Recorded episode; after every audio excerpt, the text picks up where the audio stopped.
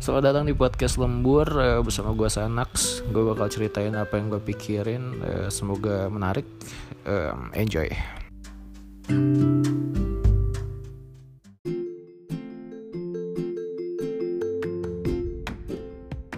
Halo, uh,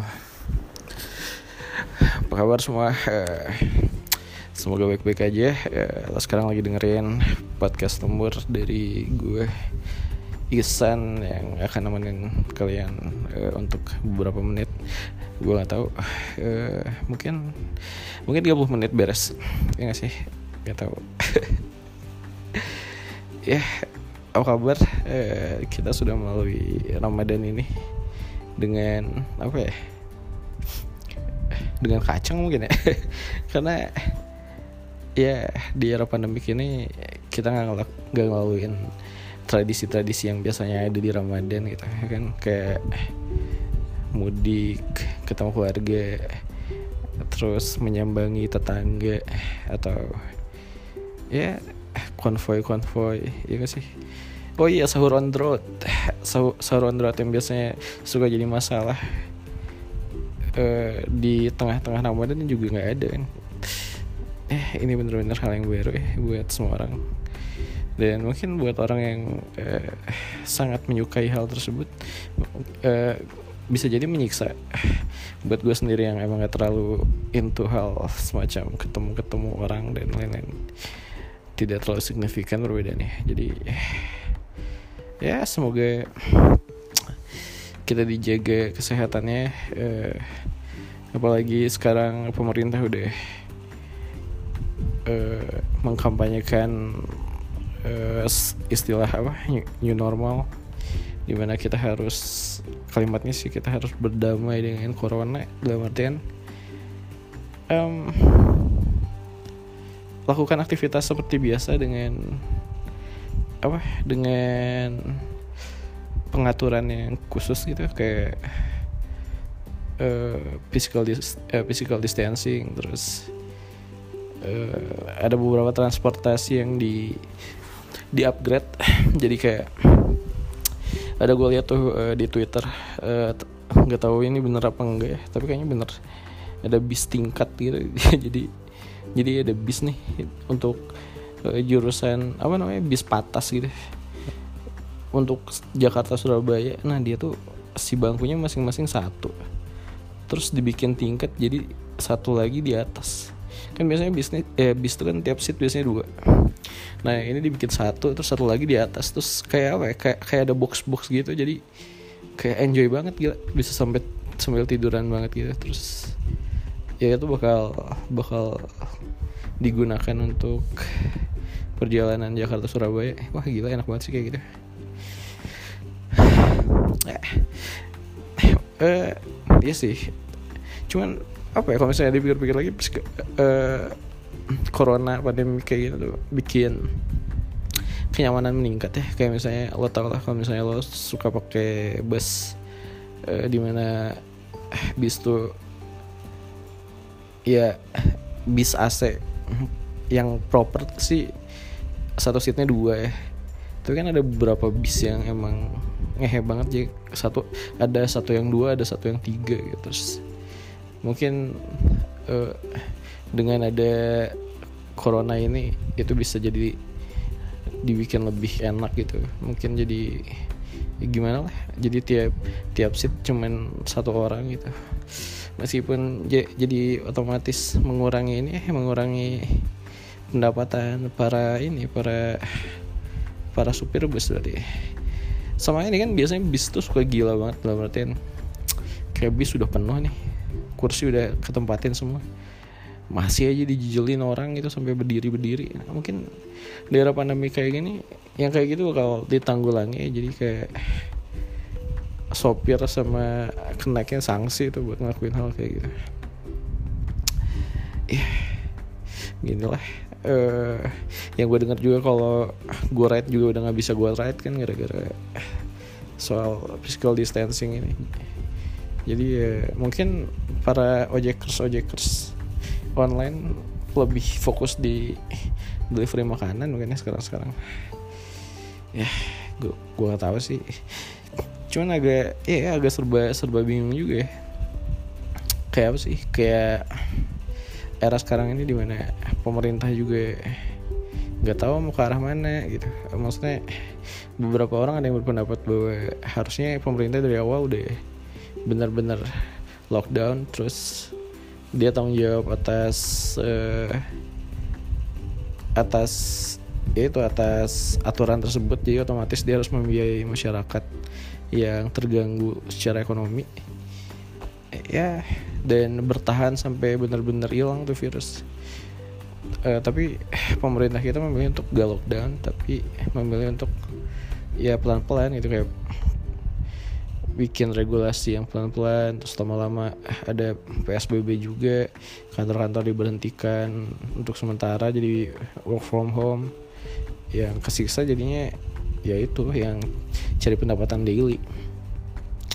Dan gue sih jujur juga agak bingung sih ini adalah kebijaksanaan yang baik atau tidak? Eh, karena bukan kebijaksanaan kebijakan kok gue ngomongin kebijaksanaan sih anjing? Ya ya mungkin bisa jadi baik ya maksudnya kayak ya boro-boro gitu Indonesia ngelakuin lockdown terus uh, netapin semua orang tuh nggak boleh beraktivitas harus di rumah terus kecuali ada kepentingan yang sangat genting gitu. Ya orang apa sih BPJS aja belum benar gitu kan gak sih? Kayak lo mau bikin aturan lockdown di mana negara menjamin uh, menjamin apa sih penghasilan buat orang-orang yang kena lockdown ya gimana? Gimana caranya? Maksudnya gimana itu bisa ini bisa apa sih? Bisa berjalan dengan lancar? Kayak banyak yang ada yang terburuk sih kelihatannya yang terburuk kayak ya itu kekacauan ya, kayak orang uh, menginginkan haknya tapi tidak ini. Terus nanti dilempar banyak apa sih banyak aparatur negara gitu kayak polisi dan tentara. Terus si ininya si masyarakat yang nanti truk sama aparat nanti aparat mengatasnamakan aturan lockdown gak boleh ke mana-mana. Dan masyarakat uh, meneriakan tentang ketidakadilan. Ya, chaos sih. Ya ya pelan-pelan pemerintah sedang melakukan. Menurut gue sih sejauh ini langkah yang baik sih. Maksudnya dia emang tidak um, memilih suatu kebijakan yang sangat ekstrim gitu jadi PSBB pelan-pelan sudahnya sekarang new normal.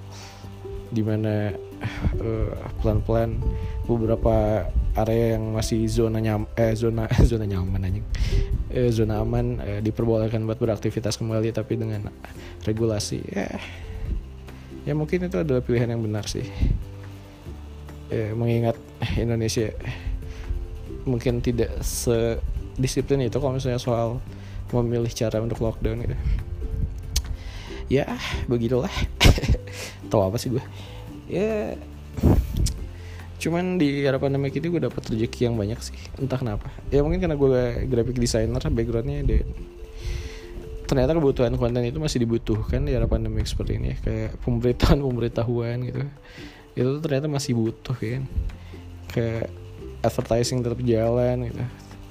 Ya syukurnya nggak syukur juga sih beruntungnya. Beruntungnya di dunia gue uh, dalam dalam hal pekerjaan tidak tidak memiliki pengaruh yang signifikan atas pandemi ini.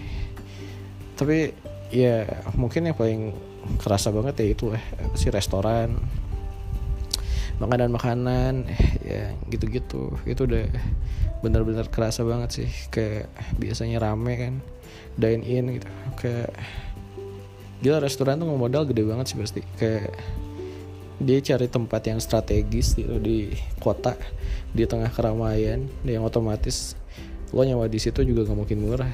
Dan pemiliknya pasti punya hitungan gimana caranya biar itu bisa balik kan dengan melakukan apa sih eh, kalkulasi pendapatan harian gitu kayak estimasi nih orang bakal makan di sini berapa kali ya dengan adanya pandemik ini. Wah gila pasti kebayang banget kan di mana ya mungkin satu aja beruntung gue mungkin ya ya bisa jadi. Soalnya kan beberapa restoran kadang nggak cuma ngejual makanan tapi ngejual experience-nya gitu loh kayak itu kenapa banyak kafe-kafe yang didesain bagus secara interior dan lain-lain gitu.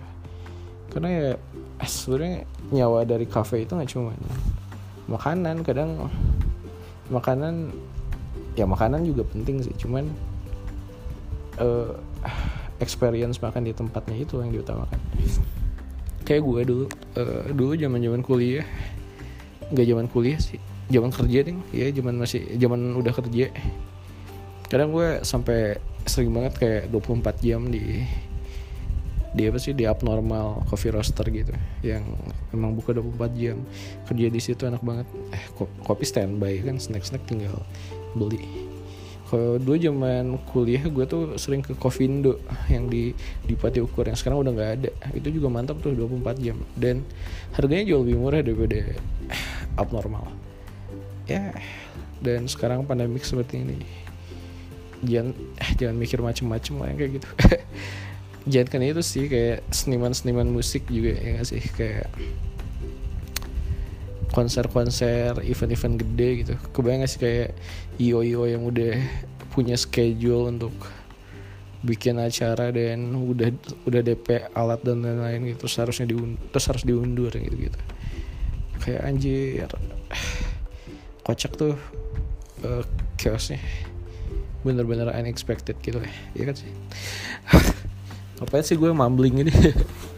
Um oh ya tadi uh, beberapa saat yang lalu sebelum gue mau mulai record encore ini gue nonton ini uh, film dokumentasi eh dari eh dokumentasi dokumenter film dokumenter uh, Netflix uh, yang judulnya apa sih Fire Fire ya? F Y R E F Y R E Fire. Yang ini ini apa sih? Uh, ceritanya tentang event yang super gede dan ternyata big fraud lah. Sebenarnya big fraud sih cuman ya, CEO nya aja goblok. Kayak anjir gila banget ya tuh orang. Jadi dia punya visi yang sangat hebat gitu. ya visi yang sangat sangat sangat apa ya? Sangat visioner mungkin atau sangat apa. Cita-cita yang besar gitu ya. jadi dia pengen bikin event di mana event itu dilakukan di sebuah pulau bekas pulau yang bekas punya Escobar. Terus dia mau bikin event di situ dengan bintang-bintang yang gila banget. Terus di mana semua orang tuh nanti bakal dijanjiin ada villa-villa dan ya gitulah tempat-tempat buat menginap gitu. Terus ternyata pas hari H bener-bener chaos banget. Uh, ternyata yang villa-villanya nggak siap malah bikin tenda-tenda yang ternyata nggak nggak ini banget apa sih nggak proper banget kehujanan gitu gitu terus semuanya nggak siap. Padahal marketingnya udah gila-gila banget. Influencer dikerahkan semua gitu kayak bikin kampanyenya bener-bener lancar sampai pas pembukanya aja langsung sold 95% gitu. Terus, ya gitu gila. Sampai orang-orang orang-orang yang terkait tuh nggak dibayar gitu loh. Yang kayak dia kan ya dia kan di apa ya pulau apa sih? Eh aduh gue lupa. Tadi pulau pulau apa ya? Yang pulau yang punya es, bekas punya Escobar itu tuh pulau Bahama gitu lupa. Ya sampai orang-orang lokal di sananya tuh yang untuk logistik dan lain gak gak dibayar gitu. Dan mereka juga kayak marah-marah gitu chaos ah, gila. Gue kadang apa ya? Kan menurut gue ada apa sih bukan menurut gue sih ada beberapa orang eh bukan beberapa orang ada kutipan yang bilang kalau misalnya CEO itu adalah sosiopat karena mereka sangat jal, sangat ahli dalam memanipulasi orang-orang untuk uh, mewujudkan apa yang dia pengen gitu. Terus kayak kayak gue sebagai pribadi juga nggak pernah kebayang sih gimana caranya untuk bisa mengendalikan orang gitu ngerti gak sih kayak lo ha, lo harus bisa lakuin apa yang gue mau ah, gitu. tapi caranya halus banget ya sampai lo lupa lo tuh lagi dipakai gitu untuk melancarkan keinginan ya mungkin hal positifnya uh, gue punya ini gue punya empat empat yang gede gitu ya untuk tidak tidak nyaman menyusahkan orang. Tapi negatifnya ya gue nggak punya mental orang kaya. Kayak ya itu sih. Sio tuh apa ya kalau lancar banget lancar banget. Kalau berhasil berhasil berhasil banget. Kayak kayaknya emang rata-rata orang sukses kayak gitu deh. Kayak banyak banget orang-orang yang udah sukses udah maju tuh. Karena mereka tuh melakukan suatu lompatan yang resikonya gede gitu loh kayak ada satu fase di mana di, dia tuh harus kalau dianalogiin tuh dia harus loncat dari satu pulau ke pulau lain gitu. Kalau misalnya lo nyampe eh, lo berhasil gitu kayak sukses besar gitu. Tapi kalau misalnya lo gagal ya lo hanyut di samudra gitu. Nah secara pribadi gue gak pernah sih mengalami fase itu kayak kayak hidup gue tuh bener-bener plain plain white. Nggak mau ngambil resiko nggak mau ambil pusing. Uh, ya gitu aja gitu kayak cari aman aja sih gue kalau hidup. Dan ini relate juga sama hal yang gue lihat tadi gitu di YouTube. Kayak nggak tau kenapa gue gue lihat Twitter terus ada beberapa uh, tweet yang lewat dan ngebahas tentang apa sih Harry Potter. Terus gue keinget sama ini sama Hufflepuff. Kayak gue selalu selalu apa sih kayak selalu jer ini Hufflepuff tuh yang paling cupu banget deh kayak. Kayak kita bisa lihat tentang Gryffindor yang ya pemeran utama gitu gimana nggak ke highlight? Di mana Gryffindor itu adalah orang-orang pemberani kan. Terus ada Slytherin orang-orang yang apa ya Slytherin apa ya? Ya kalau misalnya secara film antagonis lah. Tapi kalau misalnya secara hal positif ya dia memiliki aturan ortodoks sih mereka tuh punya adab eh, mungkin semacam itu lah. Terus ada juga ada Ravenclaws yang uh, dikenal kepintarannya. Terus ada Hufflepuff yang yang gue selalu nge-labelin wah ini host yang cupu lah. Berarti di antara ya tiga tiga itu dan satu yang cupu gitu kayak. Terus akhirnya gue kepo gitu kan. Gue kepo terus akhirnya nemu YouTube channel yang ngebahas Hufflepuff secara mendalam gitu. Uh, dia ngejawab keresahan gue tentang apa yang gue lihat dari Hufflepuff kayak betapa apa uh, tidak tidak ini tidak apa sih? Tidak menjadi pertimbangan Hufflepuff tuh.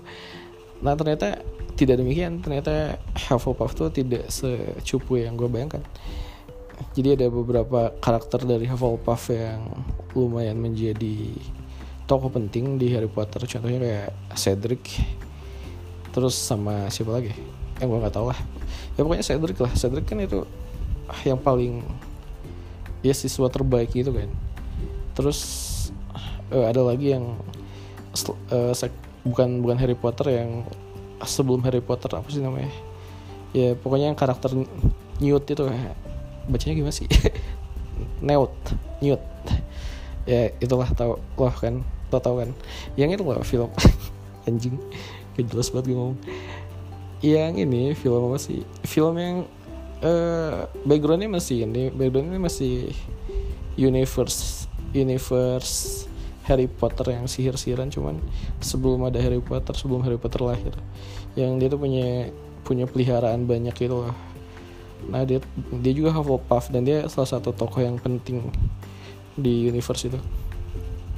Dan ternyata ya di diumbar bahwa sebenarnya Hufflepuff itu adalah orang-orang yang uh, do the right things gitu lah. Kayak dia nggak perlu apa sih nggak perlu kemegahan dalam artian dia nggak perlu dikenal sebagai seseorang yang berprestasi. Dia selfless uh, dia just do the right things. Nggak peduli orang tahu atau enggak gitu kayak gitu. Jadi kayak apa ya? Kayak bener-bener ini bener-bener apa sih? Uh, apa ya namanya? Ya tidak ya menghindari spotlight gitulah pokoknya. Yang kayak ngambil pusing tentang tentang prestige dan lain-lain gitu. Uh, terus gue kayak dulu selalu mikir gue tuh more like Slytherin. Karena emang gue kadang memiliki sisi bitter dan jahat.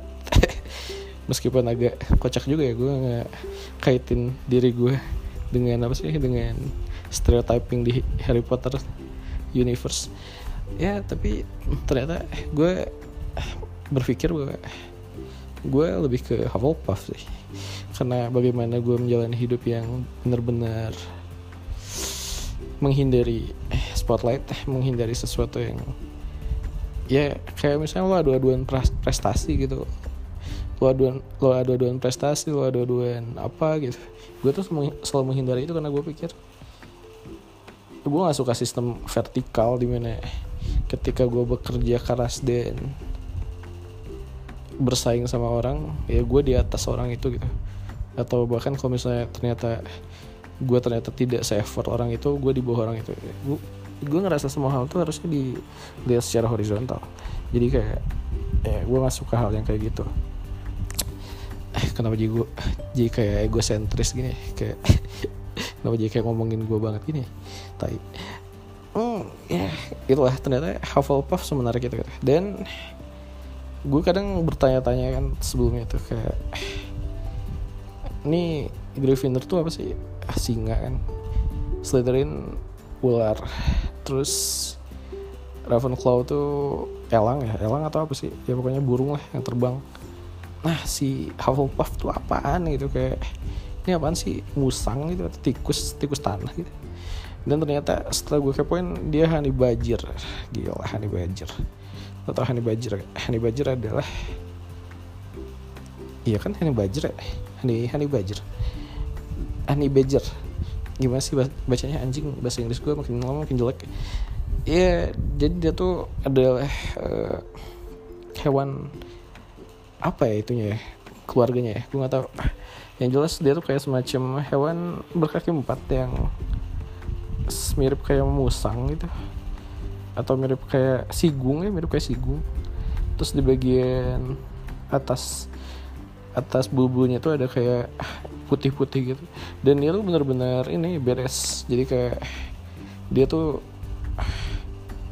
bisa ribut sama singa bisa ribut sama ular ular matok dia juga dia nggak mati. Dia di eh, ada singa macam-macam sama dia dia dia lawan gitu bukannya kabur. Lo kalau misalnya lihat di YouTube Honey Badger coba lo lihat.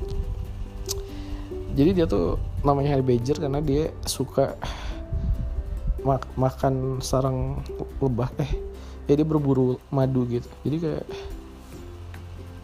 dia secara tidak peduli ma makan madu dengan ribuan lebah yang nyengat dia gitu kayak ya beda banget lah. Jadi kayak wah ternyata Hufflepuff itu di antara uh, tiga tiga di antara yang lainnya dia nggak secupu itu juga. Kenapa gue jadi kayak Harry Potter Harry Potter fans gini? Aduh ya ampun. Gue lebih suka Lord of the Rings ya ya ya begitulah. Ya. Nah pertama kali gue bingung mau ngomong apa.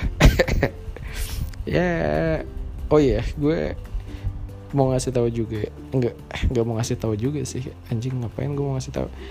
Ya ada informasi yang penting tapi eh, tentang PSBB yang konon katanya tanggal 2 tuh oh enggak enggak tanggal 2 kemarin adalah hari terakhir PSBB di Jawa Barat cuman nggak tahu kemarin tanggal berapa ya? Lupa gue oh kemarin tuh tanggal 29 kemarin tanggal 29 uh, tanggal 29 Mei adalah hari terakhir PSBB di Jawa Barat.